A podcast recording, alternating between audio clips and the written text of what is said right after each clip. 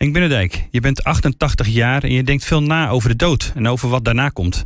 Wat is het eerste, denk je, dat je gaat zien als je na de dood weer je ogen opent? Dan uh, hoop ik, vertrouw ik, dat het eerste wat ik zie, dat het Jezus is. Jezus zien, dat is wat ik verlang. Dit is Dick en Daniel Geloven het Wel van het Nederlands Dagblad. Koffiepraat over kerk en christelijk geloven. Met Dick Schinkelshoek en Daniel Gillissen.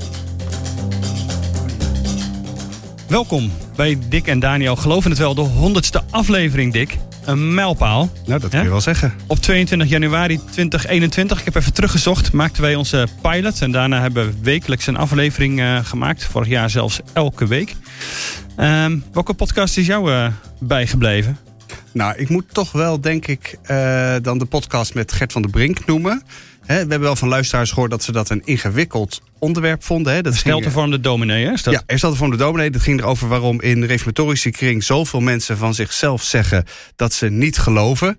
Terwijl, ja, je van de buitenkant zegt, nou, maar volgens mij zijn jullie ontzettend gelovige Mensen hebben ook heel veel reacties uh, op gekregen.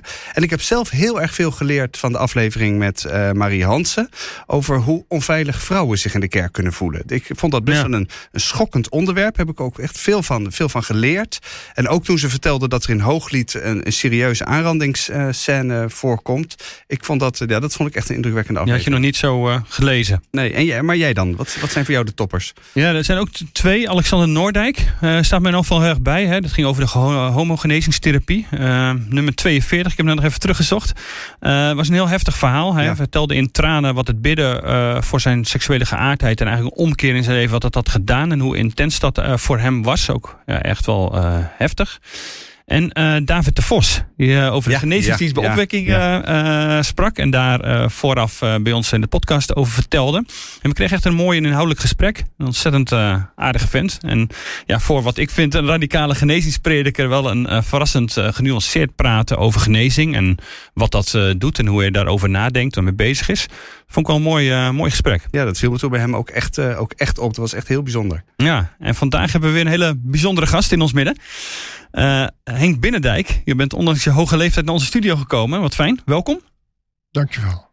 Uh, het zal een wat andere aflevering zijn dan je als luisteraar misschien gewend bent. We zijn heel benieuwd juist naar het persoonlijke verhaal van Henk en daarover met hem spreken. Maar ook hoe hij kijkt naar christenen in Nederland en wat hij ja, ons als christenen Maar Dick, jij uh, hebt je verdiept in de, de bio van, uh, van Henk. Ja, Henk, allereerst geweldig dat je, hier, dat je hier bent. Mensen en ook zeker de oudere luisteraars... die kunnen jou kennen als presentator... van nou, echt wel talloze tv- en radioprogramma's van de EO, denk ik. Je wordt vaak een EO-corrivee genoemd. Je hebt volgens mij meer dan twintig EO-jongerendagen uh, gesproken. Ik zie je even denken. 27. 27 Kijk. eeuw jongere dagen. En uh, het meest bijzondere tv-interview uh, dat je hebt gehad... is misschien wel met Henny Huisman geweest... die daarbij helemaal in tranen raakte. En Henny Huisman vertelt... Of heeft later ook wel verteld dat dat een aflevering was die ook door oud-Sovjet-leider Michail Gorbachev is gekeken. Omdat hij toevallig op dat moment in Nederland was. Klopt dat verhaal? Ja, dat klopt. Met ja. ondertiteling, Hij heeft denk toen contact gekregen met Gorbachev. Ja? Maar daar ben ik niet bij betrokken geweest. Maar dat verhaal klopt. Ja. ja. Je bent als uh, hervormd jongetje tot een actief geloof gekomen. Of nou, je was al geen jongetje meer volgens mij, maar je was al in de twintig. Uh, je bent toen uh, niet in het bedrijf van je vader gegaan. ondanks dat dat wel echt van je verwacht werd, toch? En zonder zicht op inkomsten, omdat je je voor iets anders geroepen voelde. Je hebt tientallen jaren gesproken in kerkdiensten van evangelisch tot hervormd, volgens mij. Ik heb ook wel eens onder je gehoor gezeten. Je hebt uh, zoveel boeken geschreven dat ik de tel ben kwijtgeraakt. Misschien weet je het zelf. Nou, het staat in het laatste boek wat ik uitgegeven heb, maar uh, ik tel liever niet. Nee, want... je telt niet. Nee, dat is niet uh... tellen, tellen is niet uh, helemaal bijbels om het zo bij te houden. nou, er zit vaak een verkeerde geest achter. Ja. Bij David is ook, ik wil wel eens weten over hoeveel mensen of ik koning ben. En als een dienaren zeiden dat moet je niet doen, hij deed het toch en het was kwaad in de ogen des heren en Oei. hij moest er een hoge prijs voor. Komen wij met ja. onze honderd, honderdste aflevering, Dick? Maar ja, precies. Nee, wij tellen gewoon. het zijn eigenlijk al 102, hè, dus dat scheelt dan weer. Maar het is wel mooi, Henk, dat je dan even dat tellen van ons een beetje relativeert. Dat ja, is precies. toch wel ja, gezond. Je hebt ook een aantal boeken over de hemel geschreven. Daar gaan we het in deze ja. podcastaflevering ook zeker over, uh, over hebben. Je bent nu 88. Hoe gaat het met je? Uh, als ik het compleet zeg, als mensen het op straat aan mij vragen... hoe is het met je, dan zeg ik verdrietig en dankbaar. Verdrietig vanwege wat er in ons gezin gebeurd is. Met een kind van ons wat daarbij overleed. Uh, maar heel dankbaar. Mijn vrouw en ik zijn allebei boven de 80. We zijn allebei gezond. We wonen in een leuk huis met een grote tuin waar twintig bomen in staan. Dan weet je even hoe groot die tuin is. En we zijn allebei gezond. We zijn allebei gelukkig. Wij hebben een, ondanks dat kind wat we verloren hebben, een, we hebben dus nog vier kinderen over, twaalf kleinkinderen. Die zijn fantastisch voor ons. Ook voor elkaar. Dus ik heb heel veel reden om dankbaar te zijn. En ik mag op deze leeftijd nog wat doen in het Koninkrijk Gods. Dat is mijn grootste vreugde. Ja. Want hoe is het met de gezondheid? Uh, ik ben uh, uh, twee maanden geleden begon, gestopt met preken omdat ik ergens sprak. En daar moest ik een uur spreken en toen een uur vragen beantwoorden. En toen was ik niet meer in staat om van het podium af te komen. Oh ja. Toen moesten ze me van het podium af helpen, de trap af naar beneden. Dat was een signaal dat we zeiden, ja, we moeten daar toch wat aan is wat te intensief was dat? Ja, ja, het leven is sowieso gauw te intensief, denk ik. En toen ben ik gestopt met preken voor een half jaar. In, juni, in mei begin ik weer.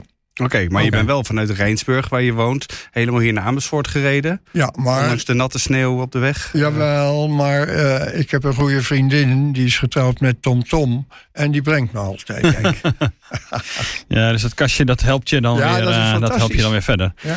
Maar je zei inderdaad over uh, overlijden van je zoon, of van jullie zoon. Dat is nog niet zo lang geleden. Dat is nu, moet ik even denken hoor, ehm, uh, ruim twee jaar, nog, bijna drie jaar geleden. Ja. ja. ja. En dat, uh, ik ga er niet op in verder, maar dat, dat mensen zeggen wel eens die onzinnige dingen van de tijd heelt alle wonden. Of je moet het een plek geven. Waanzin. Die plek, eh, Bonheuver heeft daar een goede uitspraak over gedaan. Die zei, uh, mensen zeggen wel, uh, God zal die, die lege plek opvullen. Hij zegt, maar geloof mij, dat is niet waar. God vult die lege plek niet op. Hij laat hem open. Hij zal je wel de kracht geven om daarmee te kunnen leven. Ja. Ik zou het vreselijk vinden als die plek weg was. Ja, precies. Die dus plek is er. Die plek is er. En, ja, die, uh, en die lege plek. Ja. Mijn vrouw huilt bijna elke dag. Ja.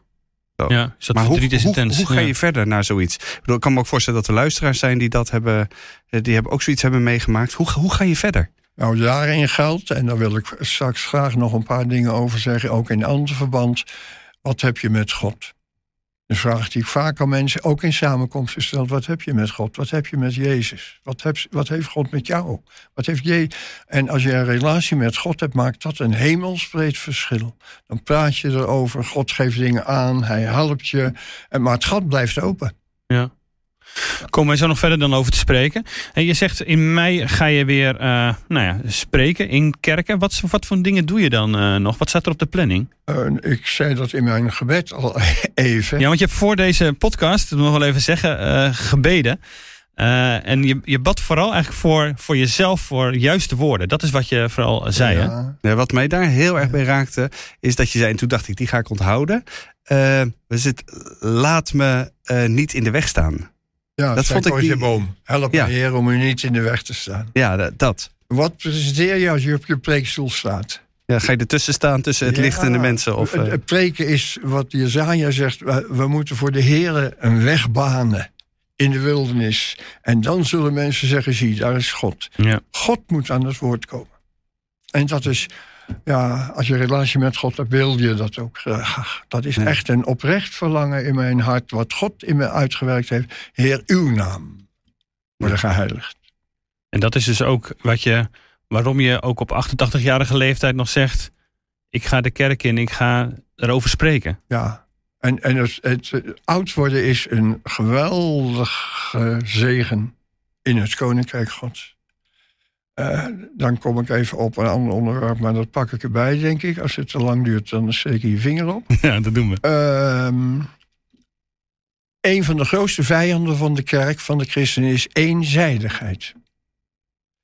En iedere jonge prediker is eenzijdig. Dat kan niet anders, want God is veel te groot om dat in een korte tijd hmm. een beetje te kunnen bevatten. Ja, en je hebt iets gezien van, van God, je bent er enthousiast over en dat is wat je, dat je dan gaat brengen. Ja. ja. en daardoor krijg je ook al die verschillende kerken. Want de een zegt, ja, dit is het, en de ander zegt... En de Bijbelse waarheden bestaan heel vaak uit twee componenten. Je moet het ene zeggen, maar dan moet je ook het andere erbij zeggen. Anders ben je eenzijdig. Elke prediker is eenzijdig. Even een verhaaltje weer met Corrie de Boom. Wij spraken op een conferentie, zei eh, ik op zaterdagavond en ik sprak over de hemel nu, de aarde straks. Zij sprak op zondagmorgen. Zij begon met de woorden. Wat heb ik gisteravond genoten van de toespraak van Henk over de hemel? Zo zei ze het. Nou, ik schoot natuurlijk de hemel in, want dat is Corrie ten Boom dat zegt. Ja, dan. Uh. Ja, want even voor, voor de helderheid, Corrie ten Boom is een Nederlandse evangeliste. Inmiddels ja, al, al, al, jaren overleden. Hè, in de zij hebben Joden doen onder de Duitsers. Dat betekende dat zij met haar vader en zus gevangen genomen werden door de Duitsers. Vader stierf in de eh, gevangenis in Scheveningen. Haar dus, zus stierf in Ravensbrück, waar ze samen zaten. Toen zij eruit kwam, zij had een bijbeltje meegesmokkeld. Hebben we zoiets moois hè, onder de kleren. Elke dag aan het eind van de dag hield zij een lange bijbelstudie voor alle vrouwen die dat wilden horen. Ja, in, de, in het kamp zaten. Ja, ja, Toen ze eruit kwam, zei ze: Als ik straks weer een beetje gezond ben, dan wil ik de hele wereld rond om mensen te vertellen hoe geweldig of Jezus is. Ja. Dus dat was heeft ze gedaan. Een grote, ja. dus grote mevrouw in het koninkrijk. Oh, in het koninkrijk God. Zo, een eenvoudige mevrouw, niet voor gestudeerd, en, en, en, maar, maar veel geleden. En dat is natuurlijk vaak het geheim. Hè. Als je een boodschap wil ontvangen, moet je ook bereid zijn. Eh, wat Job zegt, zullen wij het goede van God aannemen en het kwade niet? Dus ik kan me voorstellen dat je zat te glimmen van trots toen zij zei over jouw verhaal. Tuurlijk. Ik heb daarvan genoten. Ja, en meteen kwam ze erachteraan. Nou, het is goed dat je me dat weer, want dat zou ik nou alweer vergeten. Dus meteen erachteraan zei ze. Dus eerst van, wat heb ik gisteren genoten van de toespraak van Henk over de hemel meteen achter haar. Maar wat was hij eenzijdig? ja, en toen was, zat, was dat toen Henk weer terug op zijn stoel. Ja, dan, dan ben je weer... Was dat die jonge Henk Binnendijk toen nog? Die, dat is toch eenzijdig was? Ja, ja maar iedere jonge prediker is eenzijdig. Daar kom je niet omheen. Ja. En dat vind ik de zegen van oud worden in het Koninkrijk Gods. Dan zie je zowel het een als het ander. Hoe, dus het is makkelijk om, nu, uh... ja, makkelijk om nu met twee woorden te spreken inderdaad dan? Dat je inderdaad door de ervaring die het leven je geeft ook beter die twee uh, ja, kanten kunnen benoemen. Ja, ik probeer daarop te letten. Ik heb, ik heb contacten aan alle kanten. Hersteltevormde, christelijk geïnformeerde. Uh, ik heb, uh, laat ik zeggen, de drie star. Kan me niet schelen. Ook al die hele kringen. Ik ben daar gek op. Er zit heel veel goed geestelijk leven. Ja, noem je vooral de reformatorische kerk, hè? Ja, de reformatorische opleiding als de drie star. Dus ik, ik, ik, ik schat dat heel hoog in. Maar daardoor leer je. Want dan kom je in een evangelische gemeente, dan hoor je een heel ander verhaal. Ja. Uh, weer even het Nederlands Dagblad. Dus twee jaar geleden was er een, een uh, uh, hoe heet dat? opwekkingsconferentie. En daar hadden, stonden ze buiten te zingen met een paar duizend. En toen zei de zangleider... laat iedereen nu een kledingstuk in de lucht gooien. En nog het Nederlands Dagblad een grote foto van gemaakt. Een hele pagina. En dat zag ik en dat las ik. En heel toevallig, ja wat is toeval... was ik de zondag daarna bij de christelijk gereformeerde gemeente... nee, bij de gereformeerde gemeente in Nederland. Zo, maar niet op te spreken, denk ik. Ja, ik, weet, ik weet niet meer hoe dat ging. Nee, ik mocht daar niet spreken. Nee, nee. het was maar net dan dat ik... Maar uh, toen ik daar zat, op een bank, helemaal alleen, op een bank achterin... toen dacht ik, zouden er soms twee goden zijn. Eén van opwekking en één van gereformeerde gemeente Nederland. Zo ver ligt dat uit elkaar. En dat bevestigt alleen maar die eenzijdigheid. Ja. Want, ja. komt dat even, om daarop door te gaan, komt het dan door eenzijdigheid dat het zo enorm uit elkaar loopt? Want het is dezelfde God.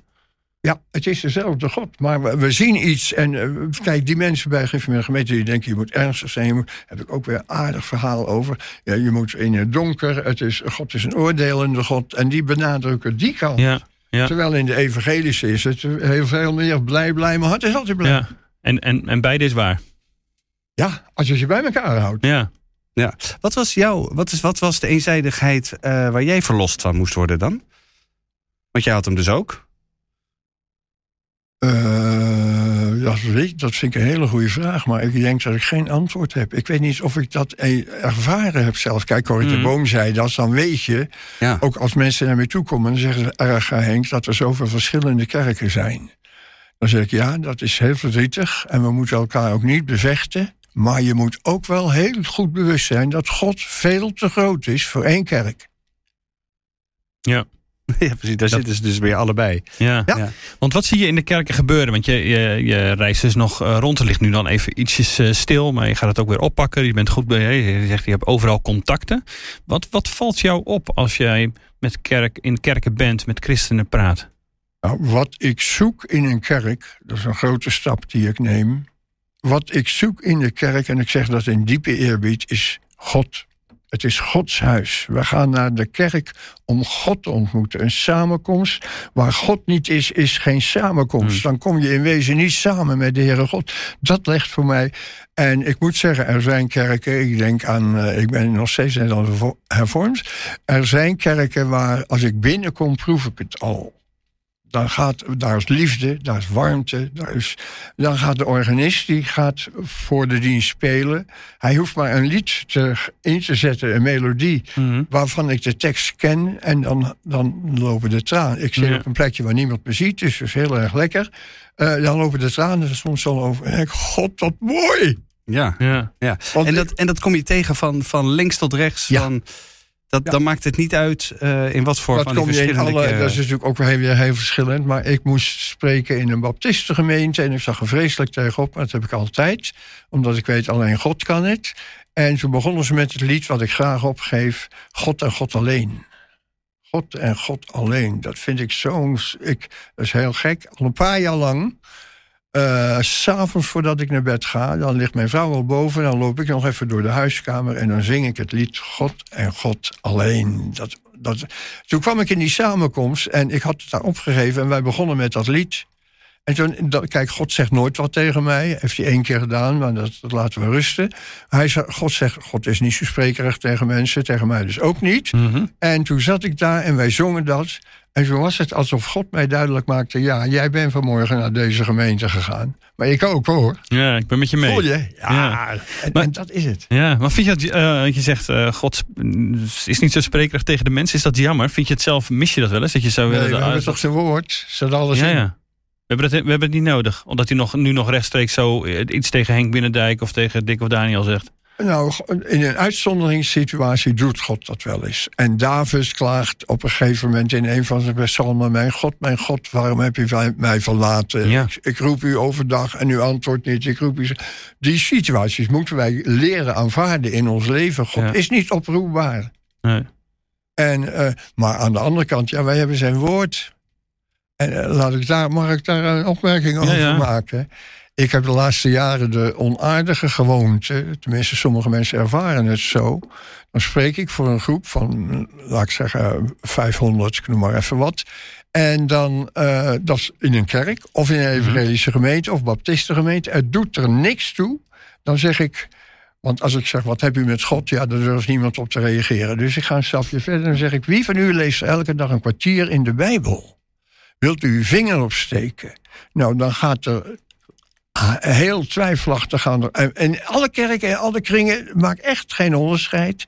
Gaan er een aantal vingers omhoog en dan probeer ik dat te tellen. Ik ben nog nooit boven de 3% uitgekomen. Hmm. Dus laat ik het maar veilig houden. En op 5%, dat betekent dat de mensen die in een kerk of samenkomst komen, daar mag je toch iets van verwachten. Dat 95% van deze mensen nog niet eens een kwartier per dag. En ik zeg erbij, ik bedoel niet de Bijbels dagboek, is allemaal heel mooi. Ik mhm. bedoel de Bijbel. De Bijbel zelf. De Bijbel zelf. Nog niet een kwartier per dag in de Bijbel lezen. Wij worden in de Bijbel genoemd de bruid van Christus. Je zult een vrouw hebben die nog geen kwartier per dag de tijd voor jou heeft, uh, Dick. Ja.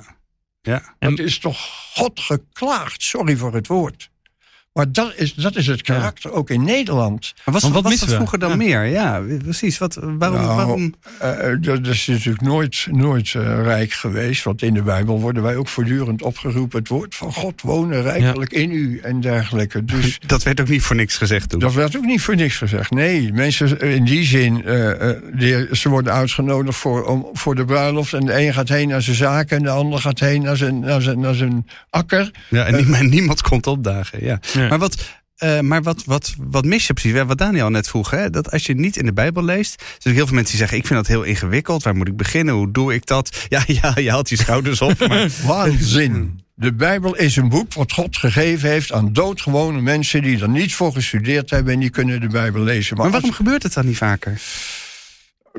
Ik, ik ervaar soms ook weerstand. Er zijn mensen die zeggen: Henk Binnendijk is wettisch geworden. Je moet een kwartier per dag in de Bijbel lezen. Een ander die zei... Ik maar bedoel je dat? Bedoel je, het moet en als je dat niet doet, eh, dan zit je fout?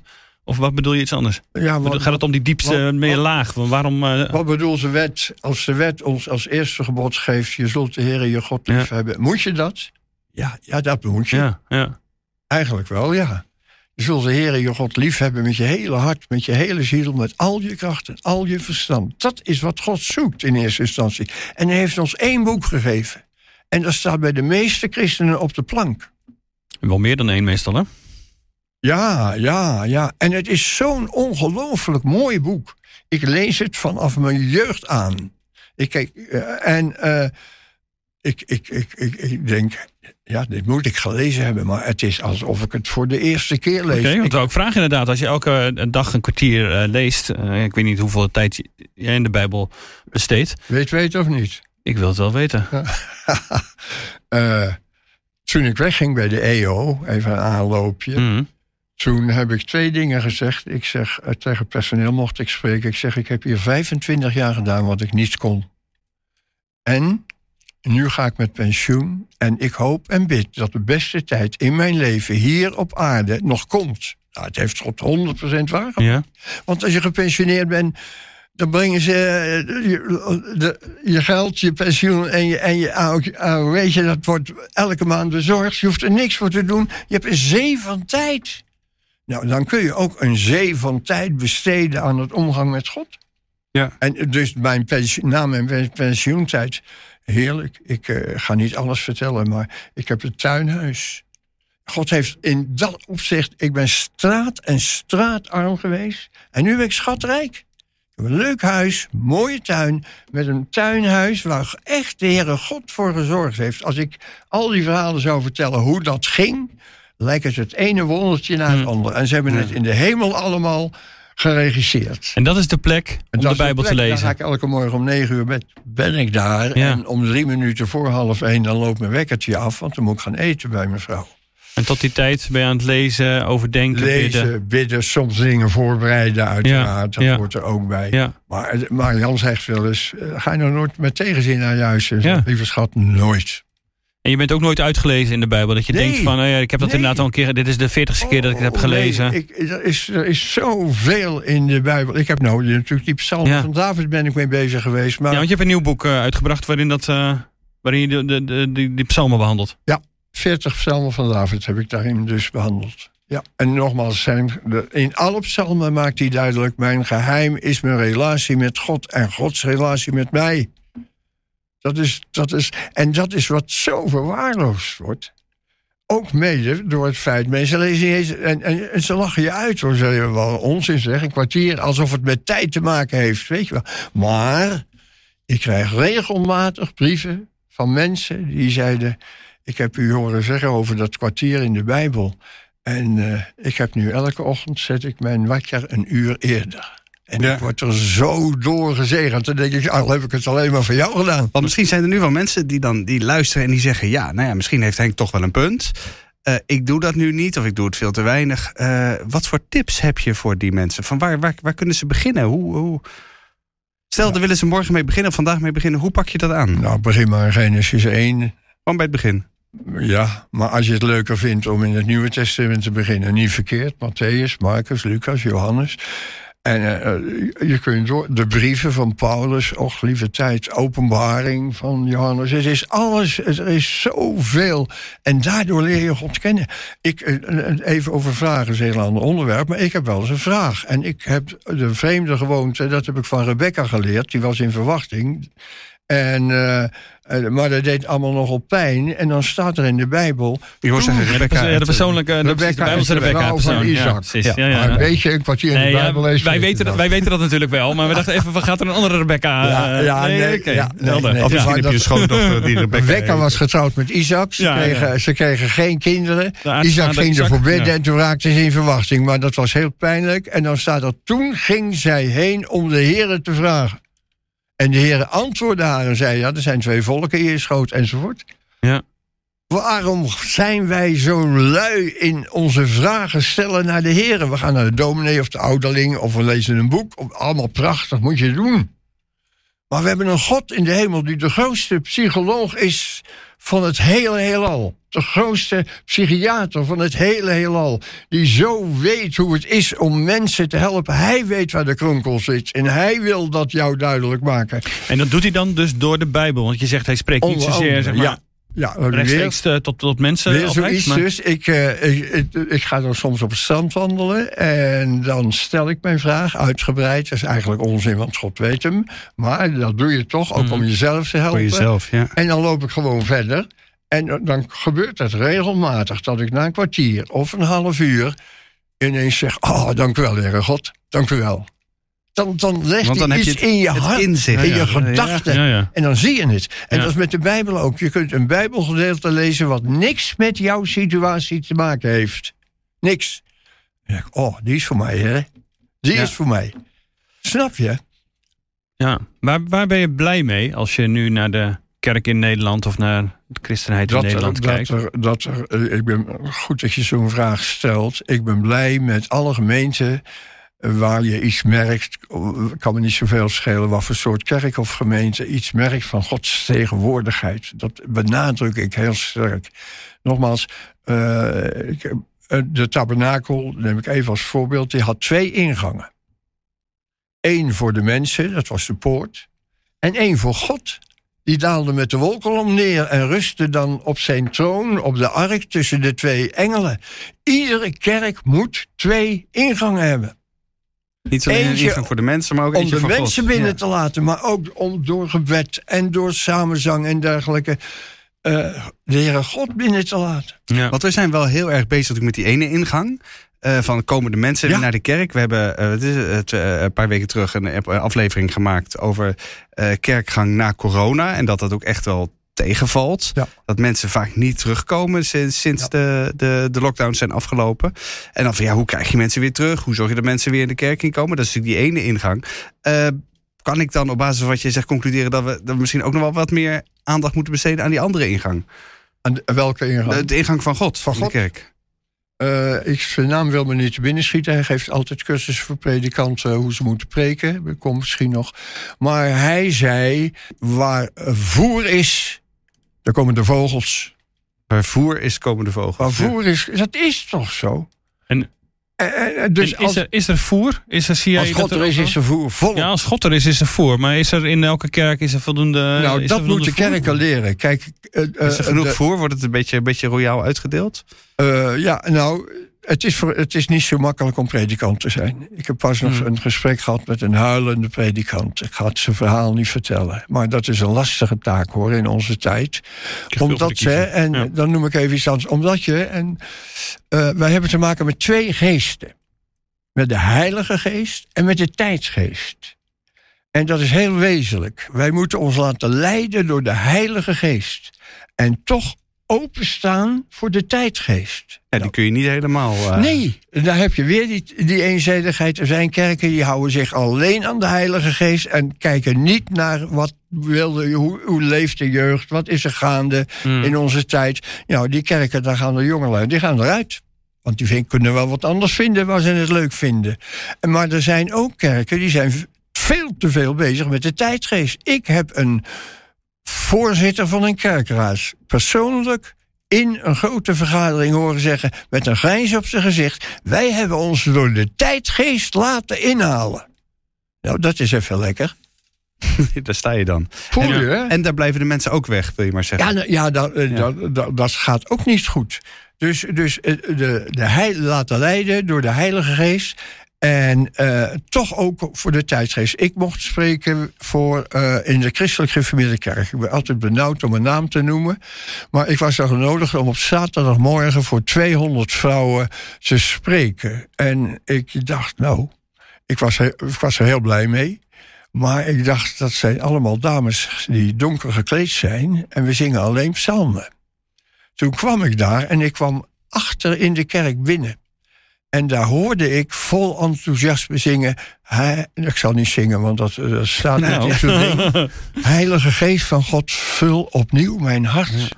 En toen rolde echt de tranen over mijn wangen. Ik denk, waar ben ik nou, joh? Ja, hartstikke goed. Ja, Voel je? Daar kan ik, daar kan ik wat, wat kwijt. Ja. ja. en toen kwam ik binnen achterin. En toen bleken het vrouwen te zijn van een jaar of dertig. Leuk gekleed. En we zongen... En dan heb je weer zoiets. Hè? We zongen psalmen, gezangen en geestelijke liederen. Wat heb uh, ik daar mijn boodschap ja. heerlijk kwijtgekund. Ah, maar het is een bijbels gebod, psalmen gezangen. Waarom zijn er kerken die alleen psalmen zingen? Ze zingen nooit een lied waar het over Jezus gaat. Ja, ze hebben een mooie kronkels erover. Maar de naam van Jezus komt daar niet voor. Nee, nee, dat, dat vind ik zo verschrikkelijk eenzijdig, omdat er zoveel mooie gezangen en liederen zijn. Waarom zijn er andere kringen in de evangelische hoek die alleen maar opwekking zingen? Ja, Nooit een psalm, want een psalmen hebben een inhoud die zo rijk is. Voel je wat, wat, hoe kwaad of eenzijdigheid is? Ja. Ja, nee, dat is. Uh, want je bent zelf uh, je leven lang al uh, hervormd. Ja. Hervormd, geboren, ge, geboren, gedoopt, getogen. Ja, ja. Uh, dat, dit is een, uh, lastig om daar verstandige antwoorden op te geven. Ik ben uh, Nederlands hervormd ge geboren. Ik ben daarin opgegroeid. Ik ben als kind gedoopt. Ik heb alle categorisaties afgelopen. Ik heb beleidnis gedaan in de kerk. Ik was buitengewoon actief in de kerk. Ik, ik stond op de nominatie voor jeugdouderling en dergelijke. Ik was collectant. Nou ja, ik ga al die dingen niet noemen. En toen was er een jongen en die zat bij ons op de CEV en die was secretaris. En die zei: Ik, wil jou, ik, ik zou het fijn vinden als jij met mij eens meegaat naar een jeugdconferentie, jongerenconferentie. Ik had er helemaal geen trek in. Want wat moest ik nou nog meer? Gedoopt, is gedaan, zeer actief in de kerk. Dan denk je, dat dacht ik althans, dan ben je er toch dan heb je het toch. Maar hij bleef zeuren en ik was bang dat ik hem kwijtraakte als secretaris. Dus ik dacht, laat ik nou vrezen, dan één keer meegaan. Dan ben ik van je af en ik heb hier nog een secretaris. Dus ik ging mee. Ik was 25 jaar toen. Ik kwam daar binnen en ik proefde het al. Het was een jeugdherberg. In, uh, uh, er waren een paar honderd jongeren. Ik dacht, wat is dit? Is dit? En toen gingen we zingen. Toen begon de samenkomst. Toen gingen we zingen. En ik ontdekte zonder dat iemand. En toen kwam er een spreker die leek op Mozes. Sidney Wilson was dat. Daardoor ben ik mm. tot geloof gekomen. En uh, toen. Niemand zei het me. Maar ik wist vanaf dat moment. Zij hebben iets wat ik niet heb. En ik werd woedend. Ik had het liefst een stoel gepakt en de oren geslagen. Ik ben gebleven later, want ik kwam er niet van los. En het evangelie wat hij, verkondigde, wat hij verkondigde, Sidney, was... je bent pas christen als je je hele leven aan God gegeven hebt. Dat had ik niet gedaan. Ik, eh, dat heeft ook een verhaal, maar ik heb letterlijk tegen God toen het op me afkwam... Want ik dacht, bekering dat is voor mensen die in de goot liggen. Nee, dat is niet waar. Bekering is ook voor mensen die in de kerkbank zitten. Maar het wordt nooit verkondigd. Ik had het idee dat ik het nooit gehoord had in de kerk. En uh, toen heb ik tegen God gezegd: Heer God, ik wil wel veel godsdienstiger worden. Maar ik zeg geen ja tegen u. Dat had een achtergrond bij Ik zei ook letterlijk: Ik vertrouw u niet. Ik uh, begrijp u vaak niet. Ik ben bang dat u er misbruik van gaat maken. Dus uh, nee. Maar ja, als de Heer Jezus aan de deur staat en hij klopt. Toen werd het toch een ja. toch wonderen. Dus ja. er mm. kwam een moment dat ik voor mijn bed neerknielde. En zei: Heer God, hier hebt u mijn leven. En u mag ermee doen wat u wil. En toen is begonnen. Uh, even een voorbeeldje vanuit de Bijbel. Er is, uh, de heer Jezus spreekt voor 10.000 mensen. Uh, ze hebben honger. Hij zegt, zeggen ze discipelen, gaan jullie eens brood halen, want uh, moeten mensen het eten geven. De discipelen zeggen, ja, dat is natuurlijk onzin, je komt daar nooit uit. Zegt hij, kijk eens of er iemand is die wat he heeft. Dan komt er, komen ze met een jongen die heeft vijf broden en, en drie vissen, geloof ik. En uh, die geeft ze aan de Heer Jezus. Hij ze. En hij voedt die hele massa van 10.000 mensen met vijf broden. Stel je nou eens voor dat die jongen gezegd zou hebben, ik vertel dit vaak in je jeugdgroep, gezegd zou hebben, heer, u mag mijn vijf broden hebben, maar u moet ze wel heel houden. Dan had Jezus echt gezegd, jongen, neem me maar eens weer mee, want dan kan ik er niks mee. Hmm. God kan niks met een christen die die niet breken mag. Nee, je moet, je moet daar ruimte aan geven. Je moet zeggen, u mag doen wat u wil. Ja. God heeft een plan. Als ik zie wat een plan of God met mij heeft uitgewerkt in de loop van mijn leven. Ja, daar kan alleen God me uit, uit, uitdenken. Dat is zo grandioos mooi. Maar dan moet hij je wel hebben. Dan moet hij een brood in zijn hand hebben wat hij breken mag. En dan gaat hij het uitdelen. Ja. Maar je, maar je bent wel hervormd gebleven, altijd. Ja, ja want die Sidney Wilson is, was actief bij de jongerenorganisatie Youth for Christ. Dat was zeg uh, nou, hij deed wel eens wat voor for Christ. Maar hij had zijn eigen organisatie, die heette Verdieping en Activering. Dat zat in Hilversum. Ja. Ja, ik Maar ik denk dat veel mensen denken, de Denk Binnendijk zal wel, zal wel evangelisch zijn. Ja, precies. Dat denken ze ook vaak. En mensen worden erdoor bemoedigd als ze horen dat ik nog steeds midden in de kerk zit. Heb je ooit getwijfeld, gedacht van, uh, ik moet wegwezen hier? Ja, dat zijn vragen, daar geef ik even geen antwoord op. Ik ben nog steeds, daar kan ik altijd mee denken, ik ben nog steeds Nederlands ervoor. Ja. En binnen de protestantse kerk, hè, voor de helderheid voor degene die denken uh, Nederlands hervormd, wat is dat ook alweer? Maar, ja, uh, ja, dus ik heb goede vrienden, daar kom ik ook wel eens voor, uh, hervormd, hersteld hervormd. Zeer goede vrienden onder. maar ik ben zelf doodgewoon PKN Nederlands ja, En dat ben je en dat gebleven een... en je hebt het niet tussentijds ja, Nee, maar dan proef ik Gods aanwezigheid. Ja. Ik kijk echt de hele week uit naar de zondagochtend. Ja. Betekent dat dan dat je er niet weg zou ja, misschien klinkt het een beetje raar, maar niet weg zou mogen omdat God daar is? Want ik heb de vraag natuurlijk omdat er mensen zijn die er te twijfelen erover. Die denken van, moet ik nou, hè, ben, voel ik me hier nog wel thuis? En moet ik dan eigenlijk naar iets, uh, naar iets anders gaan? Uh, en, of die gaat shoppen? nou. Ik heb uh, op mandenconferenties bijvoorbeeld kwam die vraag vaak: hoe lang moet ik nog in mijn kerk blijven? Dan zei ik altijd zo lang mogelijk. Ja. Want waar God je gezaaid heeft, dan moet jij weten te bloeien ik weet ook dat er situaties kunnen ontstaan waarin het niet verantwoord is. Als Jezus niet verkondigd wordt, of nou ja, noem maar, de, niet verantwoord is om daar te Nee, er zijn, er zijn grenzen. Ja. Er zijn grenzen. Er zijn grenzen. Ja. Maar niet omdat je het uh, nou ja, niet helemaal jouw smaak muziek is. Of, uh, nee, en wat de manier, is, kijk, wat je nu in deze tijd ziet, is natuurlijk, ik weet niet of jullie daar nog mee komen, maar wij hebben natuurlijk kerken à la uh, de mozaïek en dergelijke. Moderne kerken, daar is het hip, daar is het leuk. Het trekt uh, duizenden, trekt duizenden mensen. Ja. Trekt duizenden mensen, ja. Daar ben ik niet zo gelukkig mee. Waarom niet? Als dat de reden is dat jij eruit gaat, ik ontvang hier zo weinig, dan zeg ik, jongen, want jij gaat niet alleen naar de kerk om wat te ontvangen. Ga jij er nou eens wat brengen? Ja. In, in, jouw, in jouw traditionele kerk? Ja. Ja. ja. Ik ben daar uh, tot de 88ste altijd in die kerk gebleven. En dat is niet zo simpel hoor, daar ga ik geen negatieve dingen over zeggen. Maar dat is niet altijd even simpel. Maar wij, kijk, van Mozes staat er. Uh, uh, had Jan Tent, de samenkomst buiten de leger. Als Mozes naar de tent ging, daalde de wolkolom neer. Mozes bracht de wolkolom binnen. Wat brengen wij binnen als we in de kerk komen? Ja, dus het gaat niet alleen maar wat kan ik ervan halen? Ja, maar nee, ook ik? kan je brengen. Dat is ook prachtig natuurlijk. De, de laatste gemeente in de Bijbel is Laodicea. Ja, dat is niet niks. Jezus zegt waar jullie me heet of koud, maar omdat jullie lauw zijn, zal ik jullie uit mijn mond spuwen. Maar hij zegt ook, ik sta aan de deur en ik klop. Indien iemand mijn stem hoort en de deur opent, de deur van je hart, zal ik binnenkomen. Dat is voor Jezus een mogelijkheid om in de kerk binnen te komen. Want als jij naar de kerk gaat en Jezus woont in jou, breng je Jezus in de kerk. Ja. En je zou eens een samenkomst moeten meemaken waar honderd mannen waren zoals Mozes. Ja. Maar dus inderdaad, het ligt misschien nog niet zozeer aan die, uh, aan die kerken. Die trekken natuurlijk die mensen, maar die mensen zelf die er naartoe gaan. Je moet dus eigenlijk zeggen, je zegt van blijf ook op je plek. Neem daar je verantwoordelijkheid. Breng iets in de kerk. En ga niet alleen maar uh, ergens anders kijken omdat het kan zijn dat, mensen, dat er toch iemand is die het opgeeft. Maar het massale weglopen mhm. uit de traditionele kerk... door vaak jonge mensen, omdat het bij die andere hipper en leuker... en daar mag veel meer is, neem ik ze kwalijk. Tegelijk zullen daar uh, die kerken ook en de jongeren zelf, of die, het zijn niet alleen jongeren, er gaan gewoon, uh, maar welke leeftijd ook uh, naar dat soort kerken toe, zeggen van ja, anders zou ik misschien wel mijn geloof verliezen. Of ik raak eigenlijk heel de band met de kerk kwijt. Want inderdaad, het raakt mijn hart niet. Of, ja, maar dan heb je weer, weer hetzelfde van je relatie. Het volk Israël is in de woestijn. Je hebt twee soorten voedsel, manna en kwakkels. Dus brood en vlees. Uh, wie al, kwakkels vielen in de legerplaats als een samenkomst. Hoefde je niet voor weg te lopen. Dat viel voor je voeten en dat kon je eten. Wie alleen van kwakkels leeft, van een samenkomst leeft, ga kwakkelen. Wie alleen van kwakkels leeft, gaat kwakkelen. Ja.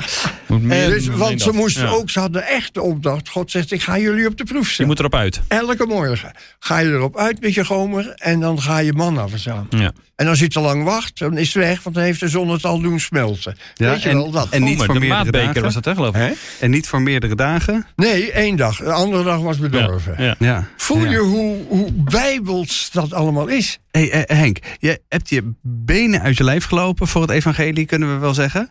Ehm, je zit nog steeds iedere morgen ook in je tuinhuis. Uh, wat, wat, is het? Ik denk dat als jouw vrouw met jou boodschappen wil doen, s'morgens dat je daar niet voor, uh, niet voor te borren bent? Even pikken, mijn vrouw wil nooit dat ik meega met boodschappen Oké, nou dan, dus dan, dan, nee, dat, is geregeld. Dat, dat, is, dat is, lijkt me heel prettig. Ja. Um, maar hoe, hoe kijken zij daarop terug, jouw vrouw en jouw kinderen? En hoe kijk je terug op, want je zult ook heel vaak niet thuis geweest zijn. Ik heb een vrouw die, uh, wat zeg ik, er wel of niet van. Ze was twaalf jaar, toen liep ze met een vriendinnetje te wandelen... en toen kwam ze mij tegen. Ik was toen uh, eh, 19, was militair bij de luchtmacht in een pakje. Dat moest je op zondag aanhouden, altijd in die tijd. En ik gaf dat meisje altijd, als ik er zag, een kwartje. Ik zeg, en als we genoeg hebben, dan gaan we samen een dag uit. Een kind van twaalf, dus dat was allemaal een beetje onzin. Zij stond daarbij en ze keek hoog op natuurlijk tegen zo'n. Zeg, wat stoer, de man in, uh, uniform. Wat zo'n aardige man is dat. Zo'n soort, dat heeft ze me later verteld. Zo'n soort man zou ik willen hebben. Toen was ze 16. En toen zat zij in het bestuur van de meisjesvereniging. En ik was uh, uh, in het bestuur van de jongen. Hadden wij een, samen een vergadering, want we moesten dingen regelen. Ik had een koperen emmer.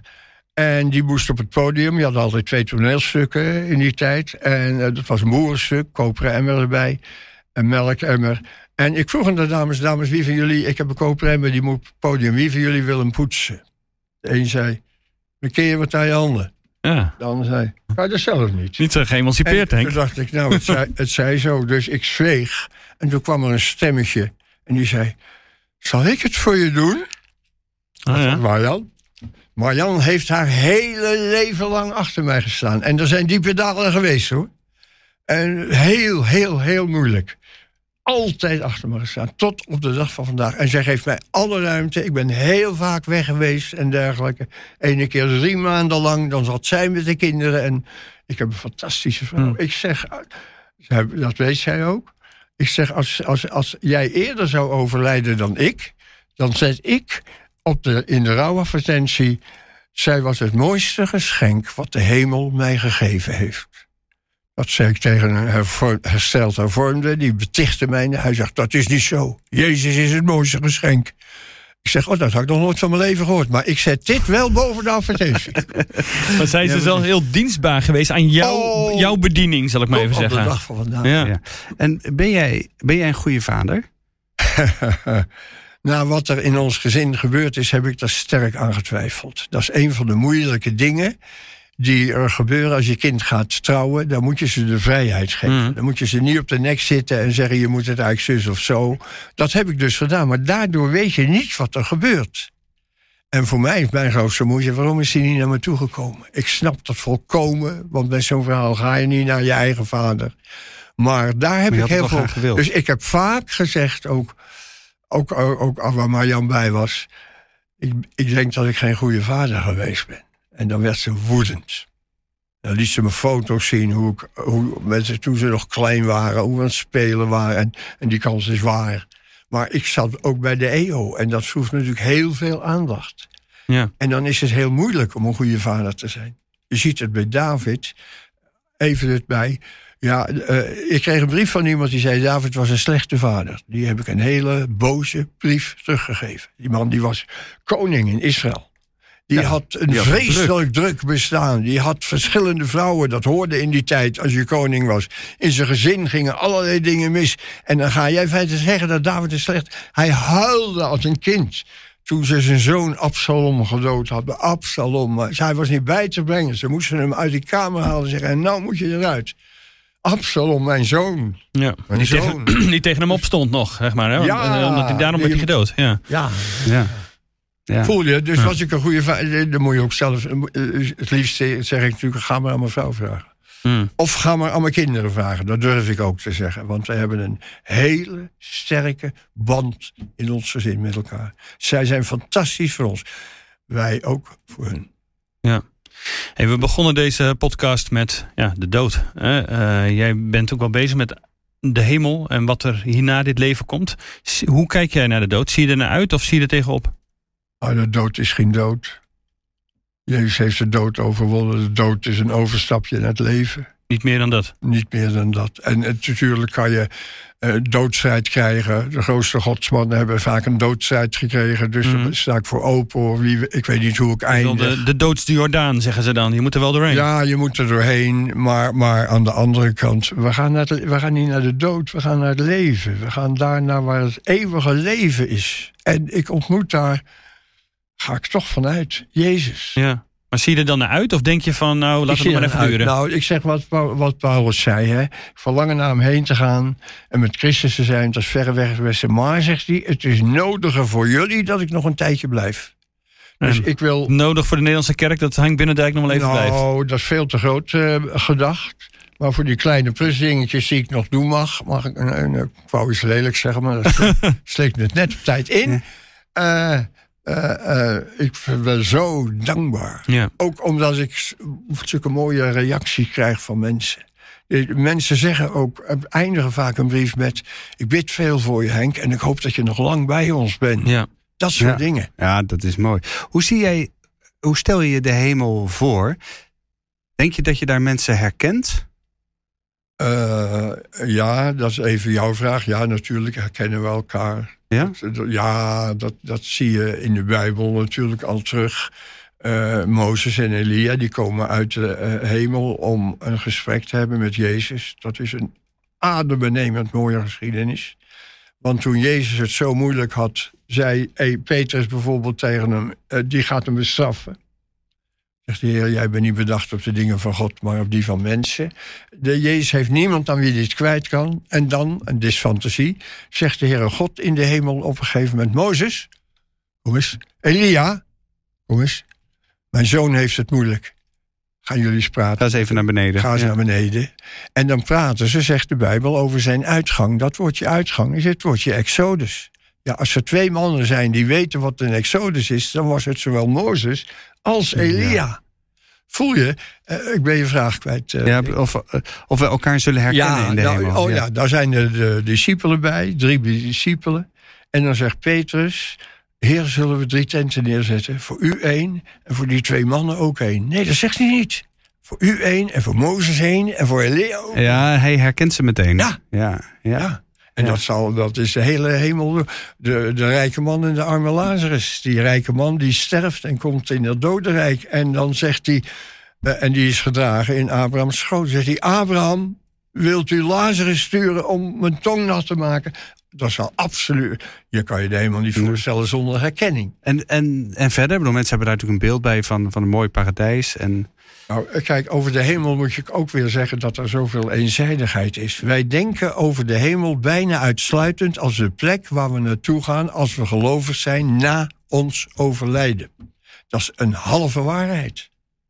De hemel gaat open als je tot bekering komt.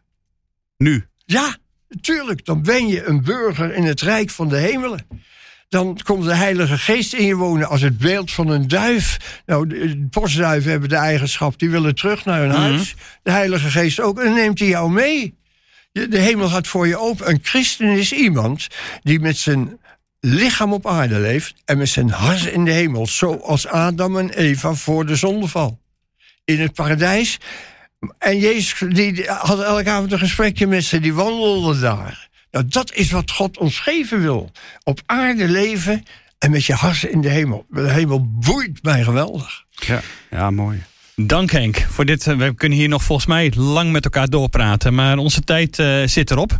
jij mag zo afsluiten met een persoonlijke maar boodschap voor de, voor de luisteraar. Maar ik zeg alvast hartelijk dank tegen onze duizenden luisteraars. Jullie hebben samen honderdduizenden keren onze podcast uh, geluisterd, Dick. Het zijn uh, enorme getallen. Ja, het zijn serieuze uh, aantallen. Jullie maken dit mogelijk. En ook dank aan onze werkgever, het Nederlands Dagblad, die deze podcast uitgeeft en een prachtige podcaststudio heeft gefinancierd. Steun die krant en zorg dat onze podcast mogelijk blijft. nd.nl slash abonnement. Daar kun je voor 2 euro in de week een abonnement nemen en daarmee ook deze podcast steunen. Grote dank aan een team van redacteuren dat tegenwoordig in wisselende samenstelling meedenkt, gasten regelt, techniek verzorgt en artikelen schrijft naar aanleiding van de podcast. Dus een uh, shout-out naar Marien en Altwin en Julia, Annemijn, Harm en Jasper. En naar onze collega's en talloze gasten die met ons uh, in de afgelopen 100 afleveringen het gesprek zijn aangegaan. Geweldig, op naar de 200. Zeker. Henk, aan jou het laatste woord. Eén ding hebben wij maar nodig. En dat is een relatie met God. Het is zo simpel. God zoeken met je hele hart. Doen hoor. Dank. Dank voor het luisteren. Tot volgende week.